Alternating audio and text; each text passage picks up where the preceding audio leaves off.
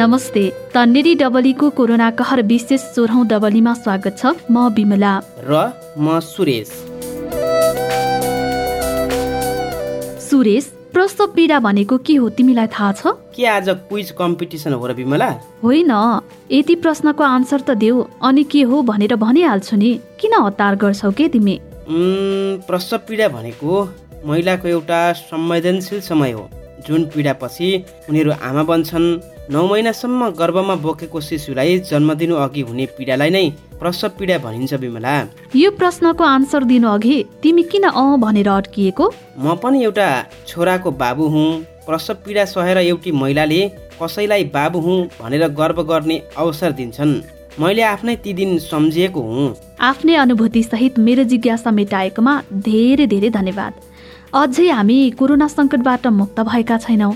हामी डबलीको बसाइमा कोरोनाकै भोगाएको कुरा गर्छौँ। कि कसो हो? नि कोरोना काल हाम्रो जीवनको बिर्सन नसकिने समय हो। अहिले त कतै धेरै हदसम्म कोरोना सामान्य भइसकेको छ तर कतै भने नयाँ किसिमका कोरोना भाइरसहरू आएर सताइराखेको छ। हो नि यो पोडकास्ट सुन्नेलाई पनि लाग्ला हामी यो कहरलाई बिर्सेर अगाडि बढ्न खोजिरहेका छौँ। फेरि यिनीहरू भने के यही कुरामा अल्झिरहेको होला? भनेर। तर हामीलाई लाग्छ कठिन समयले मान्छेलाई झन बलियो बनाउँछ। यो कहरमा हामीले धेरै कुराहरू देख्यौँ भोग्यौँ कति कुराहरूले व्यथितिहरू झल्कायो कति कुराहरूले हामीलाई बलियो बनायो अनि कति कुराहरूले समाजमा अझै यथावत रहेको प्रेम सद्भाव एकताको पाटोलाई देखायो। त्यसैले पनि त्यो दिनहरू भुल्नु हुँदैन। अझ यस्ता कुराहरूले अर्को विपदको लागि हामीलाई तयार बनाओस् भनेर पनि हामी यो कुराहरूलाई दोहोऱ्याइरहेका छौँ। त्यही त विमला सुरुवाती दिनका समस्या सम्झिन पनि मनै लाग्दैन तर इतिहास कसरी बिर्सन सकिन्छ र? हो त नि भन्छन् नि इतिहास कसैले मेटेर कहिल्यै मेटिँदैन। आज चाहिँ मैले नेपालमा सुरुवाती दिनमा कोरोना फैलिएको अवस्थामा गर्भवती र सुत्केरीले भोगेको पीडा अस्पताल र नर्सले गरेका व्यवहार बारेको भोगाई सुन्ने र सुनाउने योजना बनाएकी छु। सुन्ने होइन त? भइहाल्छ नि। तिम्रो योजनामा मैले समर्थन नगर्ने कुरै छैन। बरु यो भोगाई चाहिँ कताको कसको हो त्यो चाहिँ सुनाउन बरु। ठिक छ त। यो विषयमा छलफल पनि धेरै गर्नुपर्छ। ल तिमी आफै भन। पहिला छलफल गर्ने कि भोगाई सुन्ने? आज मलाई त्यति धेरै गफ गर्ने मुड नै छैन विमला। पहिला भोगाई सुनौ अनि कुरा गरौँला हुन्न। त्यो त नहुने कुरै भएन नि। ल ठिक छ सुनौ न त आजको त्यो भोगाई। यो भोगाई उदयपुरकी दुलारी खातुनको हो। उदयपुरको भुल्केलाई कोरोनाको केन्द्र भनेर निषेध गरेपछि त्यहाँकी एक स्थानीय महिलाले प्रसव पीडाको समयमा पाएको दुःख यो भोगाईमा समेटिएको छ। घर गाउँ र अस्पतालमा भोगेको पीडासँगै अस्पतालमा चिकित्सक र नर्सले गरेको व्यवहारलाई उहाँले हामीसँग साट्नु भएको छ। यो भोगाईलाई सुनौ है त उहाँकै आवाजमा। दुलारी खातुन। हाल ठेगाना यो उदयपुर उदयपुर भुल्के तिन नम्बर। केही पनि छैन पेसा। यहाँनिर बस्दै आएको त भयो आठ नौ वर्ष भयो। मलाई धेरै टेन्सन भइरहेको थियो हेर्नु मलाई धेरै पिर भएको थियो। भुल्केमा करुणा भयो भनेर हल्ला भयो डर भयो टेन्सन भयो पिर भयो आफूलाई मनमा होइन? अब टेन्सन भइरहेको थियो। अब सहेर बस्यौँ। त्यतिखेर त हेर्नु अब हामीलाई पनि अब डर भयो लाग्छ कि हामीलाई पनि उता लाग्यो भने हामीलाई पनि लाग्छ कि भनेर डर भयो। घर परिवारलाई लाग्ने हो कि हामीलाई गाउँ समाजलाई लाग्ने हो कि भनेर डर भयो पीडा भयो डर लाग्यो। नानी छ सानो सानो केटाकेटी छ नानीहरूलाई लाग्ने हो कि हामीलाई लाग्ने हो कि भनेर डर भयो। श्रीमान हुनुहुन्छ घरमा सासू हुनुहुन्छ छोराछोरी छ सबैलाई उनीहरूलाई लाग्छ भनेर डर भयो पिर भयो मनमा डर लाग्यो।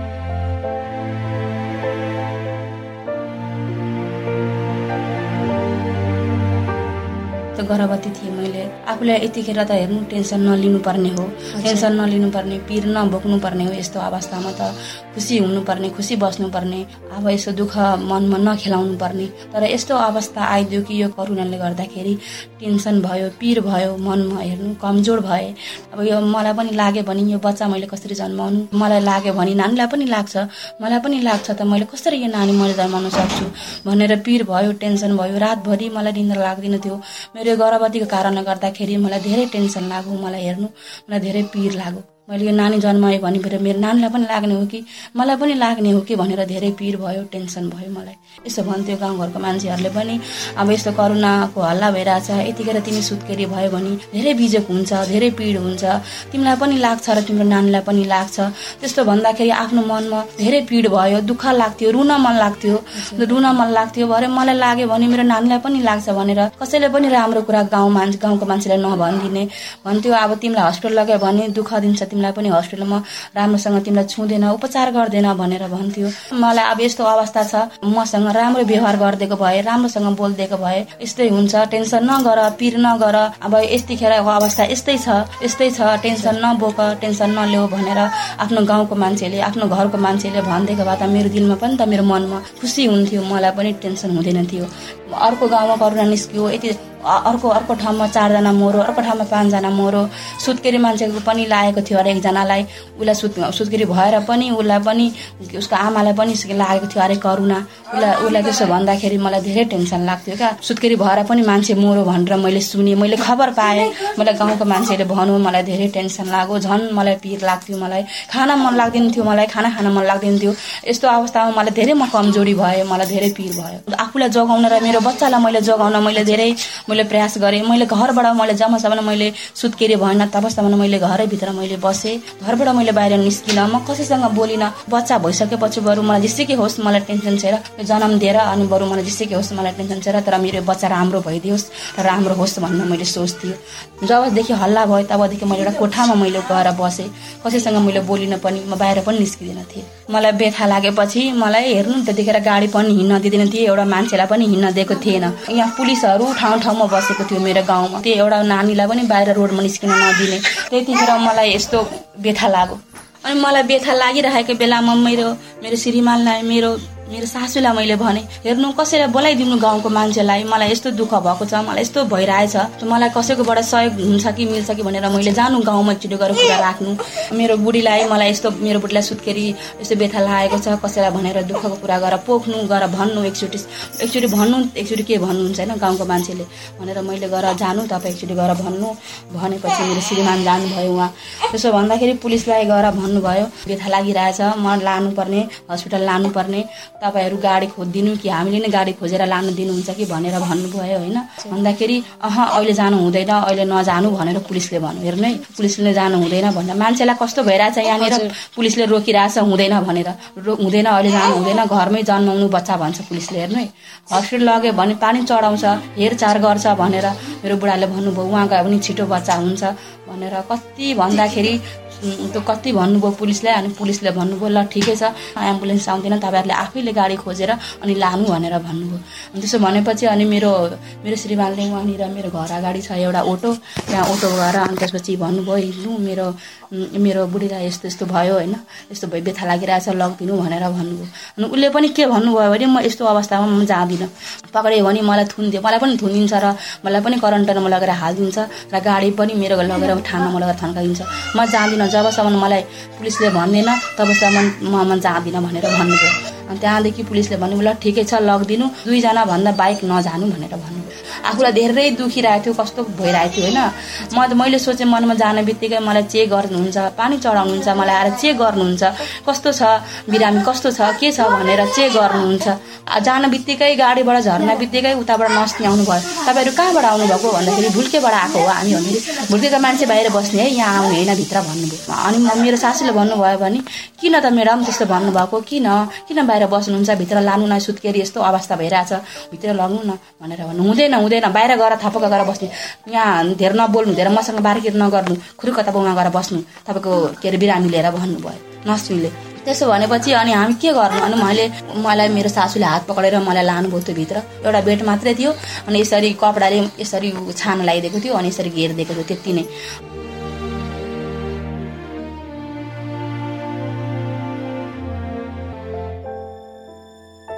डक्टर आउँदैन चेक गर्न। कस्तो भएको छ बिरामी? घर खुलेको छ कि छैन? कमजोर छ कि छैन? पानी चढाउनु पर्छ कि के गर्नुपर्छ भन्ने हेर्नुपर्ने नि डक्टरले। हेर्नु भएन। एकचोटि पनि हेर्नु भएन। मर्नु न बाँच्नुको अवस्था भइसक्यो। अनि मैले सन मैले सकिनँ अनि मेरो सासूलाई मैले भने मम्मी जानु न एकचोटि भन्नु। मलाई तारान्तार व्यस्त व्यथा लागिरहेछ जानु मम्मी एकचोटि तपाईँ भन्नु होइन? एकचोटि राम्रोसँग भन्नु मान्नुहुन्छ होला गएर एकचोटि भन्नु न भनेर मैले भने अनि मेरो सासूले गएर बाहिर गएर बाहिर हस्पिटलभन्दा बाहिरै बसेर बोलाउनु भयो म्याडम म्याडम यहाँ आउनु न बाहिर आउनु न भन्दाखेरि नआउने। अनि कति बोलाउँदाखेरि अनि त्यसपछि एकजना त्यहाँ बाहिर बसी बसिरहेको थियो सुत्केरीकै मान्छे थियो। साथी आइदिएको थियो अनि उसैलाई भन्नुभयो बोलाइदिनु न म्याडमलाई बोलाइदिनु न।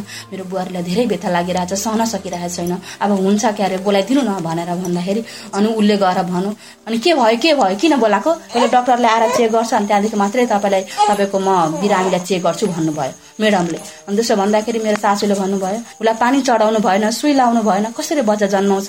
तपाईँहरू छुँदा पनि छुनु भएन किन यस्तो गर्नुभएको एकचोटि आएर हेरिदिनु। कतिखेर डक्टर आउँछ त कतिखेर उसलाई चेक गरेर अनि तपाईँहरू हेर्नुहुन्छ भन्नु त। त्यतिखेरसम्म मान्छे मर्छ मर्दैन भन्दाखेरि केही पनि हुँदैन। म के गर्नु त? म के गर्नु? डक्टर नआइकन त अब कसरी म छुनु? मैले छुँदिनँ। भने जब डक्टर आउँछ अनि खुन उसको लिन्छ अनि खुनले चेक गरेपछि के निस्किन्छ अनि त्यसपछि मात्रै म तपाईँको बिरामीलाई छुन्छु भनेर भनौँ। डक्टरलाई फोन गरेर बोलाउनु भयो त नर्सनीहरूले बोलाएपछि अनि त्यहाँदेखि आउनुभयो अनि त्यहाँदेखि कहाँबाट आएको तिमी भनेर भनेको भुल्केबाट आएँ भनेर भन्दाखेरि भुल्केमा त धेरै हल्ला भइरहेछ त। करुणा निस्केको छ भनेर भनिरहेछ त। तिमीलाई पनि त लागेको होला नि करुणा भनेर भन्नुभयो। यस्तो अवस्थामा त्यसो भन्दाखेरि आफूलाई कति मनमा पीडा भयो कति दुःख भयो ती भुल्केबाट आयो भने तिमीलाई पनि त लाग्यो नि। तिमीलाई पनि लागेको छ भन्नु। नलाग्दा पनि लागेको छ डक्टरले भन्नुहुन्छ। अनि मैले भने हेर्नु डक्टर मलाई लागेको छैन किनकि हामीहरूको दुईवटा गाउँ छ। अर्को गाउँमा लागेको थियो हामीहरूको अर्को गाउँमा हल्ला पनि भएको पनि निस्केको पनि छैन। भन्दाखेरि होइन त्यहाँनिर तिम्रो घरमा श्रीमान छ कि छैन? भन्दाखेरि हुनुहुन्छ श्रीमान हुनुहुन्छ भनेर मैले भने। अनि नमाज पढ्न जानुहुन्छ कि जानुहुन्न? भन्दाखेरि जानुहुन्छ नमाज पढ्न जानुहुन्थ्यो। त्यसो भए तिम्रो श्रीमानलाई पनि लागेको छ र तिमीलाई पनि लागेको छ तिम्रो घर परिवारलाई पनि लागेको छ करुणा। पुरै गाउँकै मान्छेलाई सबैलाई लागेको छ भनेर भन्नुभयो। त्यसो भन्दाखेरि होइन डक्टर साहेब लागेको छैन कसैलाई भन्दाखेरि। तिमी त्यसो भनेर हुन्छ अहिले निस्किहाल्छ तिमीलाई म खुन टेस्ट गर्छु अनि निस्किन्छ कि निस्किन थाहा पाइदिन्छ नि भनेर भन्नुभयो। त्यसो भन्दाखेरि झन् मनमा दुःख लाग्यो मलाई पिर लाग्यो। अब कसरी बच्चा जनाउनु रुन मन लाग्यो। व्यथा त भिन्दै लागिरहेछ पिर त भिन्नै भयो। त्यसो भन्दाखेरि खुन लिएर जानुभयो एक घन्टा चाहिँ आउनुभयो। रिपोर्टमा राम्रो आयो अरे राम्रो आए आएपछि अनि त्यहाँदेखि चाहिँ आउनु अनि उहाँदेखि नर्सिङलाई फोन गरेर अनि त्यसपछि गएर जाऊ चेक गर भनेर भनेको। त्यहाँदेखि मलाई बेथा तारा तार लागिरहेछ लागिरहेछ कोही नआउने कोही नहेर्ने कोही वास्ता नगर्ने सासु रोको रोए आफू रोको रोए अनि उहाँदेखि अनि नर्सिङ आउँदाखेरि मलाई चेक गर्दाखेरि के भन्नुभयो भने ल एक घर मात्रै खुलेको छ अहिले बच्चा हुँदैन भनेर भन्नुहुन्छ। यहाँ मान्छेलाई मर्नु जस्तो अवस्था भइसक्यो। तपाईँले किन यस्तो यस्तो बोली निकाल्नुहुन्छ? भन्दाखेरि तिमी बाटो हुन्छौ तिमी बाटो हुन्छौ। जे भन्छु त्यही गर। मतलब खुर्क जाऊ यहाँबाट। निस्केर गइहाल भनेर भन्नुहुन्छ यस्तो अवस्थामा खुरुक्क निस्केर गइहाल भन्दाखेरि आफूलाई कस्तो भयो त? मलाई न एउटा समात्ने थियो न मैले एउटा बल पाएर बच्चा जन्माउँछु भन्ने एउटा समात्ने पनि थिएन। मैले भने मेरो सासूलाई भन्नु न एकचोटि पानी केही नगर्दै पनि पानी चढाइदिन भन्नु न मेरो बल त आउँछ मलाई एउटा सुई लगाइदिन भन्नु एउटा पानी चढाइदिन भनेर भनिदिनु भन्दाखेरि अनि भन्नुभयो डक्टरलाई पानी सानी पनि म चढाउँदिनँ र सुई पनि लाउँदिनँ। पानी खानु क्या? त्यो बोतलमा पानी छ त। गल गल पानी खानु त्यसैबाट ताकत आउँछ। पर्दैन भनेर मम्मीलाई गाली गरौँ। अरू बिरामी छ अरूलाई हेर्नु हेर्नु पर्दैन। तपाईँको बुहारी तपाईँलाई मात्रै हेर्नु र तपाईँलाई मात्रै हेर्नु किन आउनु? आउँदिन भनेर भन्नुहुन्छ। रोइरहेछु बसिरहेछु भडाक भडाक भइरहेछु आफूलाई पेट दुखिरहेछ व्यथा लागिरहेछ। कसै पनि हेर्न नआउने रुन मन लाग्थ्यो कि बेकार म यहाँ आएछु हस्पिटलमा। यस्तो सरकारी हस्पिटलमा आउँदाखेरि पनि केही वास्तै गर्नु भएन मलाई वास्तै गर्नु बेकारै आएछु मैले यहाँनिर। नआएको भए हुन्थ्यो बरु घरमै दुःख सुख गरेर भए पनि जन्माएको हुन्थ्यो बरु। घर म जन्माएको भए त वरिपरिको मान्छेले आएर पनि सहयोग गरिदिन्थ्यो हेरिदिन्थ्यो यस्तो गर त्यस्तो गर भनेर भन्नुहुन्थ्यो होला। मैले बेकार आएँ भनेर मैले सोचेँ। हेर्नु बच्चा त तल आइसकेको छ टाउको निस्किसकेको छ। अनि नानीको टाउको हेर्नु यो नानीको टाउको भर्खर यति निस्केको छ। यसरी पक्रेर तानिदियो म कति कति कसेर कराएँ आवाजमा बाँच्दिनँ होला भन्ने मैले सोचेँ। अनि मेरो मम्मी पनि उहाँबाट रोड्न थाल्नुभयो कराउनु थाल्नुभयो। मेरो बच्चा मर्छ हेर्नु जसरी नगरिदिनु त्यस्तो हेर्नु कसरी तान्नु भएको नानी यो मर्छ त्यसरी नतान्नु भनेर भन्नुभयो। त्यसरी तपाईँ बुझ्नुहुन्छ म हामी तपाईँ डाक्टर कि म डक्टर तपाईँ बुझ्ने भए किन यहाँ लिएर आउनुभएको? घरमै बच्चा जन्मको भइहाल्थ्यो नि। हामी बुझेर बच्चा मर्छ कि मर्दैन बाँच्छ कि बाँच्दैन हामीलाई थाहा छ नि। तपाईँ किन बोल्नु भएको चुप लाग्नु म हेर्दैछु म यहाँ बच्चा तान्दिरहेछु तपाईँलाई तपाईँ किन बोल्नु भएको उल्टै मम्मीलाई गाली गरिरहेको छ हेर्नु है। अब म त बेस भइहाल्यो त्यहाँनिर अनि डक्टरले पुसपास पारेर मेरो सासूलाई दिनुभयो अनि त्यहाँदेखि ल अब पुसपास पार्ने अब घर लिएर जाँदा हुन्छ।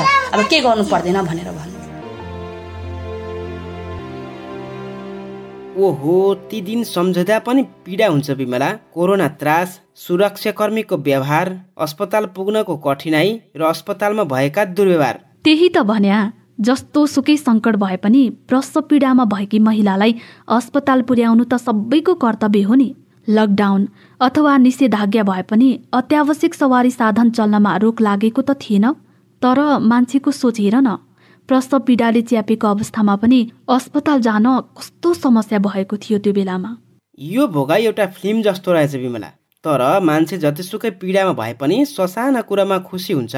तुलारी खातुनले अस्पताल पुगेपछि प्रसव पीडाकै बिचमा राहतको सास फेर्नु भएको रहेछ। हो त नि साना साना कुरामा मान्छे खुसी हुन्छन् र त बाँच्न सक्छन्। हो त है। एउटी नारी आमा बन्नुको पीडा बिर्सिएर सन्तानको चिन्ता कति गर्छन् भन्ने एउटा गजब र उदाहरणीय भोगाई सुन्न पाए विमला आज। जो आफ्नो पीडा भुलेर पेटभित्रको शिशुलाई केही नहोस् भनेर बढी चिन्तित हुनुभयो। यो भन्दा महान कुरा त के होला र विमला? तिमी पनि कुन दुनियाँमा छौ के? संसारमा सबैभन्दा महान आमा हुन्छन्। त्यसै भनिएको होइन नि। मान्छेले भन्छन् नि संसारमा दुई सत्य छन्। एक जन्म अर्को मृत्यु। आमा जन्म हुन्। त्यसैले त आमालाई संसारको पहिलो सत्य मानिन्छ नि। हो विमला आमाको व्याख्या गरेर त कहिले सकिँदैन नि। आमाको व्याख्या गर्न थाल्ने हो भने त डबलीको सयौँ श्रृङ्खला बन्छ। यो संसारमा कोही पनि आमाको प्रशंसा गरेर सन्तुष्ट भएको छैन जस्तो लाग्छ।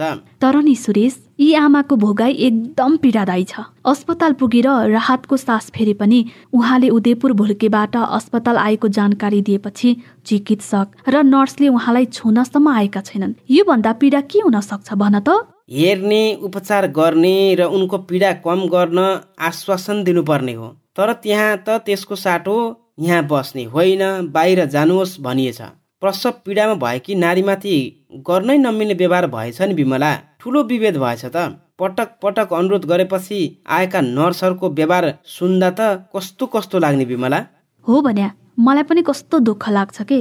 संसारमा पीडा जति चाहिँ सबै नारीले नै सहनु पर्ने तर यस्तो अवस्थामा पनि एउटी नारीको पीडा कम गर्न नसक्ने नारीहरू नै हुन्छन्। भगवान रूपी मानिएका डाक्टर लामो प्रतीक्षापछि आएर पनि उपचारको त कुरै छैन। उल्टे तिमीहरूलाई कोरोना त लागेको छैन नि भन्छन्। त्यति मात्र होइन। प्रसव पीडामा भएकी महिलालाई औषधि उपचार र स्वास्थ्य अवस्थाबारे सोध्नुको साटो डाक्टरले नै तिम्रो श्रीमान नमाज पढ्न जान्छन् कि जाँदैनन् भनेर सोध्नु कहाँसम्मको लापरवाही हो? तिमी आफै भन न। त्यो अवस्थामा कहाली लाग्दो नै थियो विमला। एक बोतल स्लाइन चढाइदिन आग्रह गर्दा आफै बोतलको पानी खानु तागत आउँछ भनेर जवाफ दिएका रहेछन्। हैट यो भन्दा लापरवाही त के नै होला र? एकातिर प्रसव पीडा अर्कोतिर अस्पतालमा चिकित्सक र नर्सले दिएको तनाव।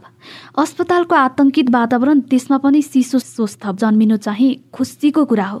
भन्छन् नि कसैले देखेन भने भगवान देख्छन्।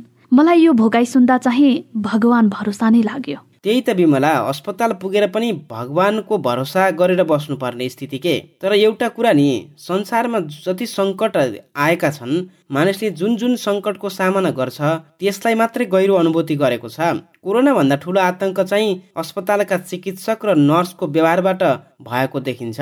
हो सुरेश तर यस्ता कुराको परिवर्तन एकै पटक हुँदैन।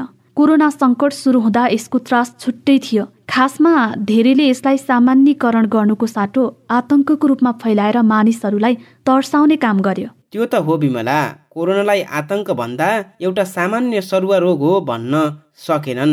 विश्वमा त्रास फैलाएको कोरोनासँग सबै तर्सिए। त्यसैकै परिणाम त यसरी अस्पताल पुगेर प्रसव पीडामा छटपटाएका धेरै दिदी बहिनी र आमाहरूले दुःख पाए नि। अझ कतिपयले त अस्पतालमा उपचार नपाएर कहिले यता कहिले उता डुलाउँदा डुलाउँदै अकालमा ज्यान गुमाउनु पर्यो। यसमा राज्यका गल्ती एक ठाउँमा होला तर मानवता भन्ने कुरा चिकित्सक र नर्समा पनि हुनपर्छ। त्यो नहुनु चाहिँ सबैभन्दा खतरा हो।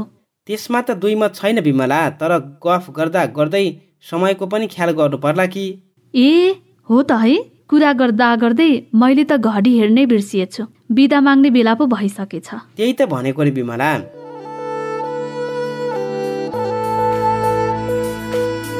हामीलाई पोडकास्टमा सुनेर तपाईँलाई कस्तो लागिरहेको छ? जुनसुकै प्लेटफर्मबाट तपाईँ हामीलाई सुन्दै हुनुहुन्छ कस्तो लाग्यो भन्नुहोला है। यदि राम्रो लागेको छ भने अरूलाई पनि भन्नुहोला र केही प्रतिक्रिया र सुझाव भए हामीलाई podcast at the rate Tanneri Chaso dot net मार्फत भन्नुहोला। तपाईँले हाम्रो यो डबली गफलाई पोडकास्ट एपमा मात्र होइन तन्नेरी चासोको अफिसियल फेसबुक पेज र युट्युबमा तन्नेरी डबली टाइप गरेर पनि सुन्न सक्नुहुनेछ। र त्यहाँ तल कमेन्टमा गई प्रतिक्रिया पनि दिन सक्नुहुन्छ है। हवस् त तन्नेरी डबलीको सत्रौं श्रृङ्खलामा भेट्ने बाचा गर्दै आजको श्रृङ्खलाबाट भने म बिमला। र म सुरेश बिदा हुन्छौ। लौ त फेरि भेटौँला। नमस्कार। नमस्कार।